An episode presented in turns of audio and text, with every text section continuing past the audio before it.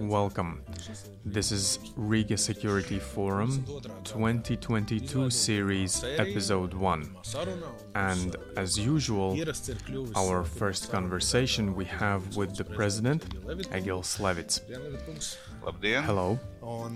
And the central topic today is we are going to talk about what is important, maybe the most important this year regarding how internationally to maintain multilateralism and relationships and the rule of law. How to ensure that the rule of law, which at least for 70 years has been the leading motive in international relationships, institutions, and principles, how to continue and not allow internal and external forces to dismantle it. And this is also my first question to you.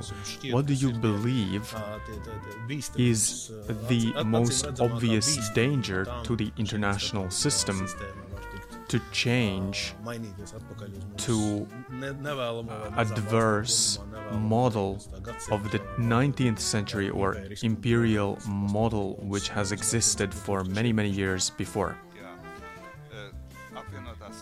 in 1945 the united nations established a new world order world peace order based on international law. This is a long term interest of all countries because international law is the one is what ensures peace and compliance with international law and that that ensures peace. And to ensure peace is the primary and highest priority of the global world order. So far uh, it has been successfully secured since 1945 for more than 70 years there has only been one precedent when this peace order was disrupted was Kuwait. It is uh, uh Iraq's uh, invasion in Kuwait and annexation. But then the United States of America and more than 50 countries organized together the release uh, of Kuwait. Uh, not because these countries were close to Kuwait, but because previously it has been the first attack on international law and order. And uh, currently, current Russia's aggression against Ukraine, in the same way as Iraq uh, 30 years ago um, was aggressive towards Kuwait, it's not a territorial conflict between two countries because we see the aims. Clearly, we see them. This is to annex. Uh, it is the annexation and destroying of the country. And since World War II, there has been territorial disputes, but this is qualitatively something different. And for the first time on such scope, Russia with their uh, uh attack on Ukraine has attacked at the same time international law and order. And this is proven by the reaction of the world countries. In the United Nations, the clear majority condemns aggression this aggression. And the last resolution, when 143 countries out of 190 condemned Russia's aggression. And Russia has only four, five friends. It is uh, Russia itself, North Korea, um, Eritrea, Syria, and this shows the isolation of Russia. But on the other hand, it also shows that the clear majority of the world countries are in favor of world peace based on international law.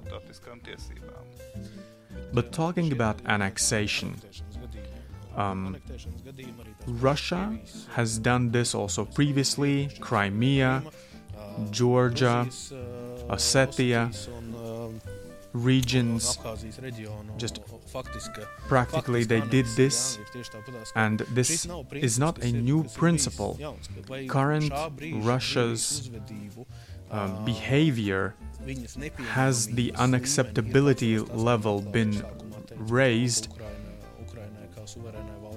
because um, it, it, said that the Ukraine has to change its sovereign regime. Well, it's qualitatively new aggression of Russia. Uh, in 2008, Russia's aggression started against Georgia, but there has not been a moment of annexation and if you like really want to you can actually interpret it as a regional conflict. Then in 2014 crimea the world uh, society the community of the world reacted weakly. There have been just um, some sanctions against Russia. And this is why in 2022 Russia started full scale aggression against Ukraine to destroy democratic state of Ukraine. And this is the precedent, the only such kind of precedent previously occurred in Kuwait and what differentiates uh, it from other military conflicts. And this is why the reaction has been so uh, strong, so rigid. It has been politically, it, it had condemned these actions and also later the consequences maybe slightly provocative. We're talking about, um, so we are doing as a sovereign state whatever we want, also against our neighboring country. But at the same time, at the end of September, they are organizing also the polls, voting, referendums. So it means that they it, the international law has become the principle of everyday life, so you go so far as to uh, organize referendum just to show that as if we are complying with the law. On one hand, yes, international law has been very deeply incorporated in the notion of the world society. So, exactly today, no one, including Russia, verbally does not challenge, but they want to circumvent the international law.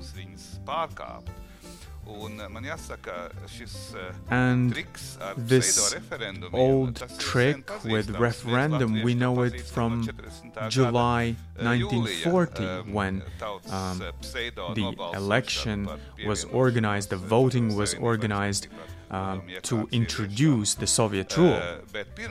But before that, I think it was Hitler in 1938 who invaded military Austria and in just several days 90 uh, they, they organized the election and 98 99% uh, voted for joining in favor of joining uh, Germany.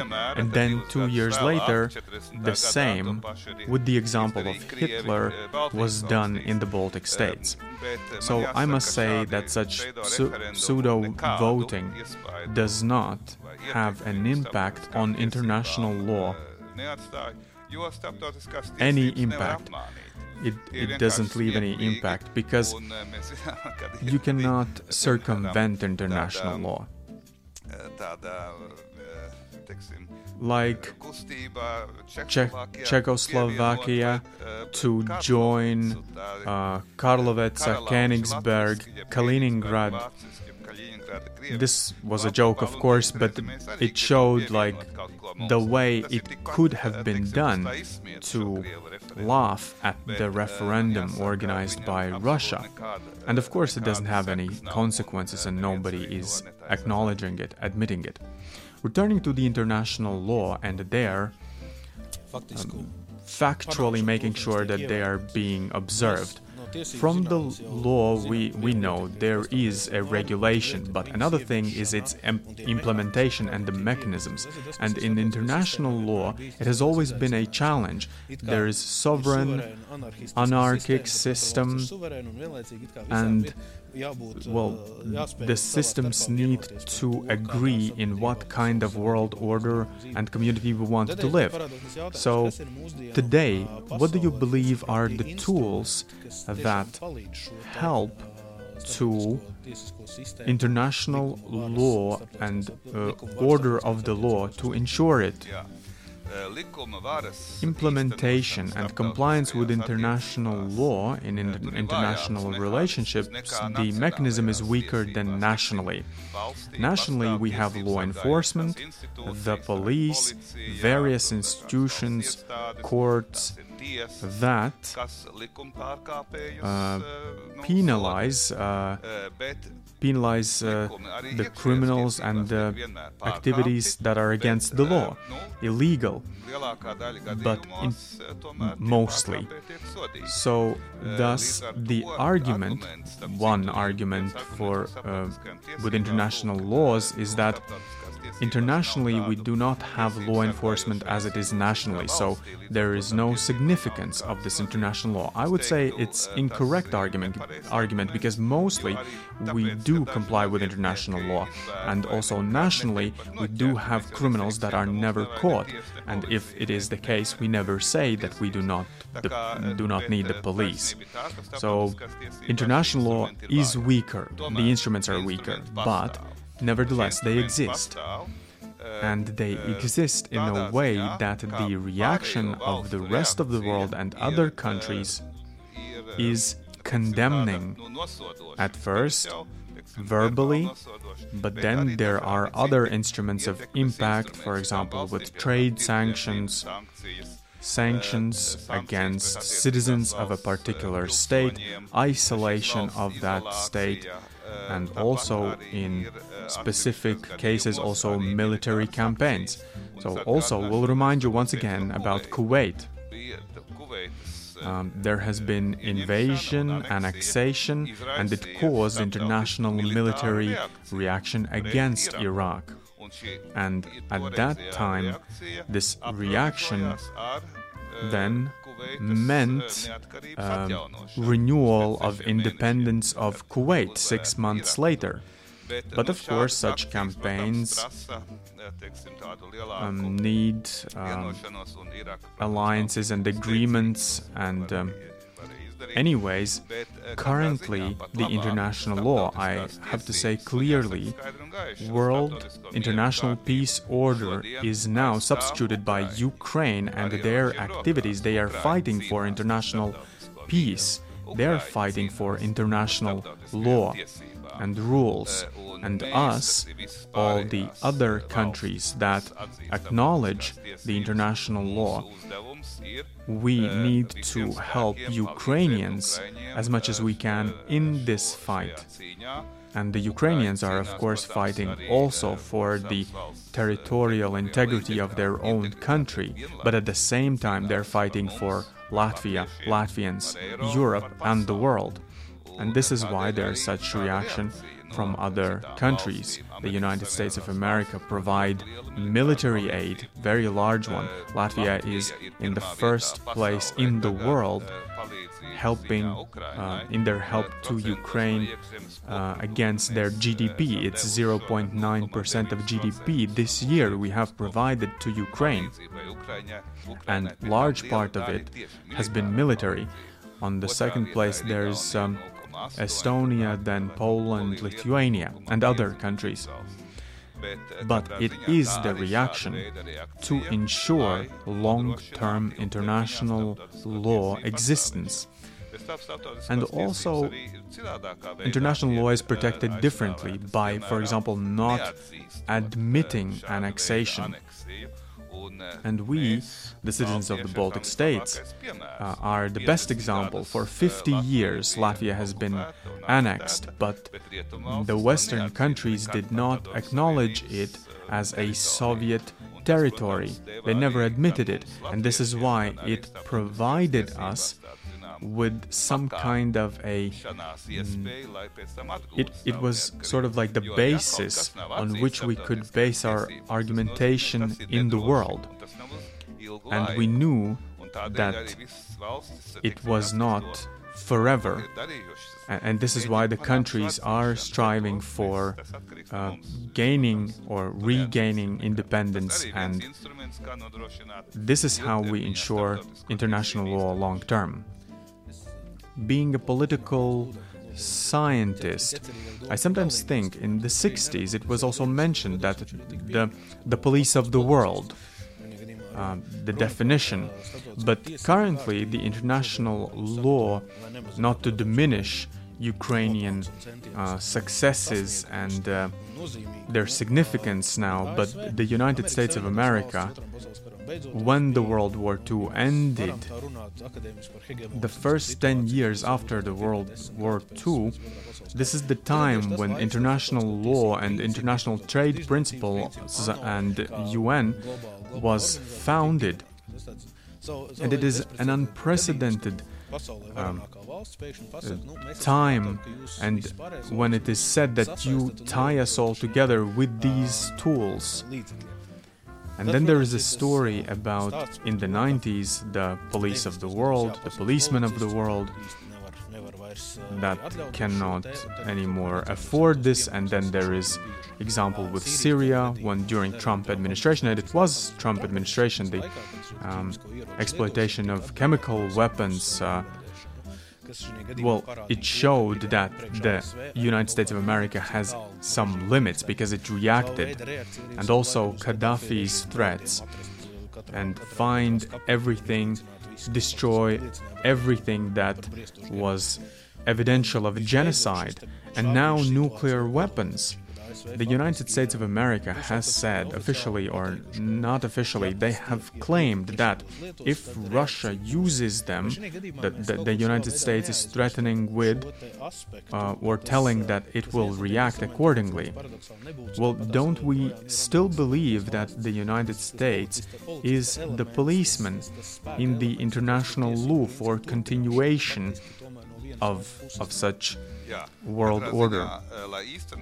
In order to ensure compliance with international law, there are many forces economic forces, political forces, soft power, also, um, like attraction, but also military force.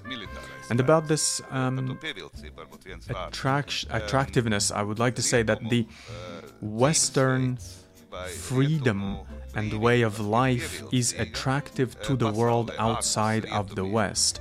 There are many people who would like to live as the people do in the West, but the regime they live in currently does not allow for it. So there is a division of authoritarian states and of democratic states. And it is difficult for us in Latvia to imagine, or in another Western country, that, uh, for example, North Korea is attractive, and people would say, well, let us introduce a regime as it is in North Korea. So, soft power, that is very important also during the Cold War there were very few people who wanted to have the regime as in the East, but they wanted it as in the West. But returning mm, to the military, also, international law is not something abstract. It doesn't work. On it by itself. There has to be the states that support this, and they also use their power, economic, soft power, and also military. And in this case, uh, the United States of America, as a country, democratic country with their values, Mm, they believe that it is their moral responsibility to, to defend the international law and peace also with military interventions where it was possible. And even better, the biggest power, the most efficient power is the one which you do not use. So it's not like threats, but but the authority as such. So avoiding conflicts uh, by imposing some authority. And uh, for the first three to five years since World War II, during the period of the Cold War, so called, when the US led the Western Bloc, uh, which ensured uh, peace for 35 years apart from some isolated military conflicts in third world countries where uh, the Soviet Union wanted to also expand their sphere of influence, not always successfully though. After the Cold War, the situation has changed, the world has changed, the US is the most powerful uh, country in the world in all spheres economically, politically, military, but it is not uh, the only one at is it, it has been in the 90s it has to compete with especially china so with russia of course um, russia if you just take um, one against the other, then economically and military Russia uh, cannot compare with the United States. But uh, Russia has nuclear weapon, and this balances out the potential of nuclear uh, nuclear potential. So a similar mechanism here is in place as during Cold War. And in NATO concept, it has um, it is deterrence through credible defense. So it's a credible military potential.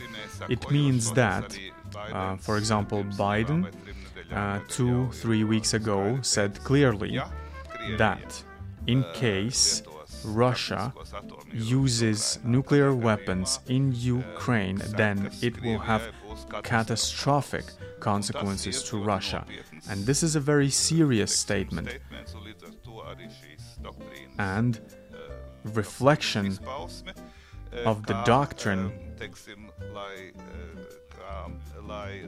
to deter Russia from using nuclear weapon. If Russia knows that it loses by using nuclear weapon first, and it is also not um, well, it is not said directly what kind of consequences there will be, but that there will be consequences.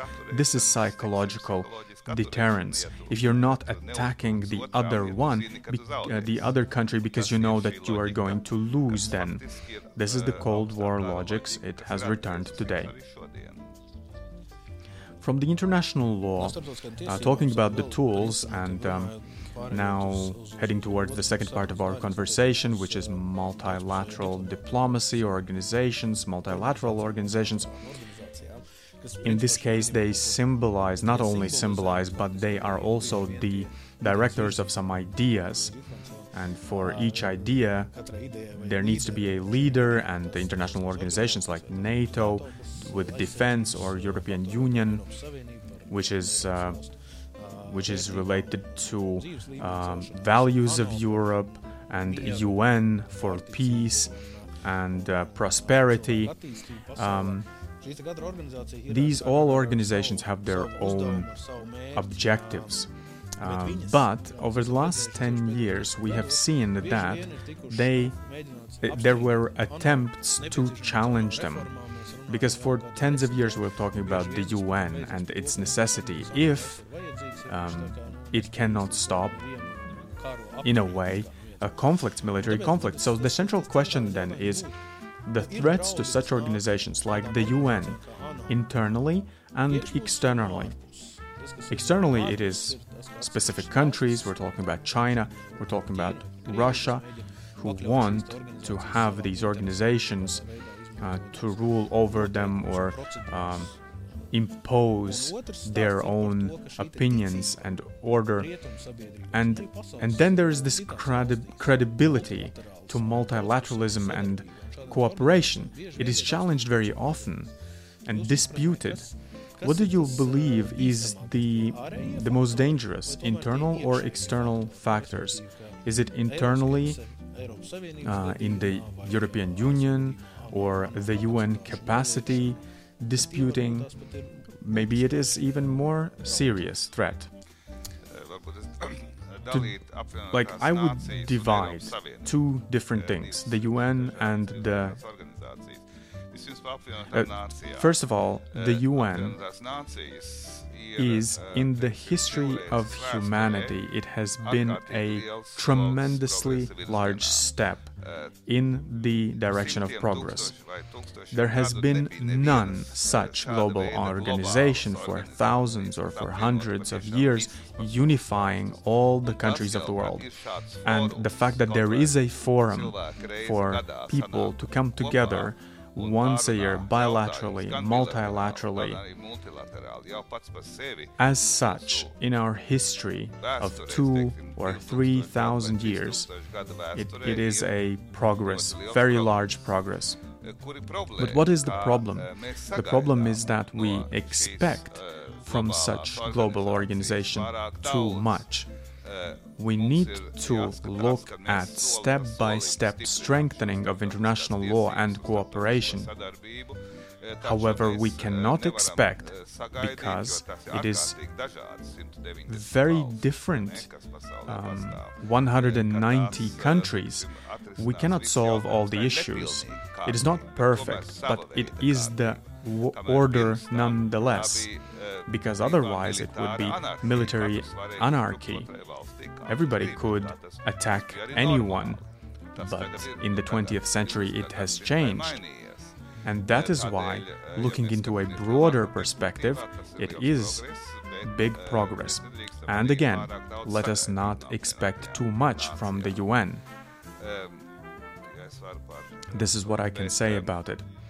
But, anyways, there are opportunities to have a dialogue, to have conversation, and also in regional conflicts, the UN with peacekeeping missions, they do uh, reduce uh, the conflicts and sometimes they even um, even mitigate them altogether. But the European Union, European Union, we have to historically look at a longer period of time the dominance of Europe um, now is um, uh, now is disappearing, and the European Union needs to find its place in the global competition of power and the balance of power, both political, military, and especially economical. European Union and in the European Union uh, just above 5% of people of the world live.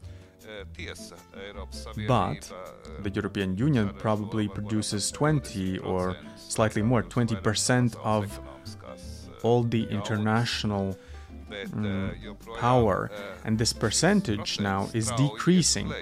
we, we see the decrease of Europe's influence in the world. For example, looking back at 50s, at 1950s after the war, and uh, in 2000s, and uh, in 2022 we see that this is decreasing the impact. But European Union is not just economical union, it is the union of values. And it is a political union. And the values, it means that we have our own way of life and um, the European Commission, uh, von der Leyen, uh, there is a commissioner now of European way of life.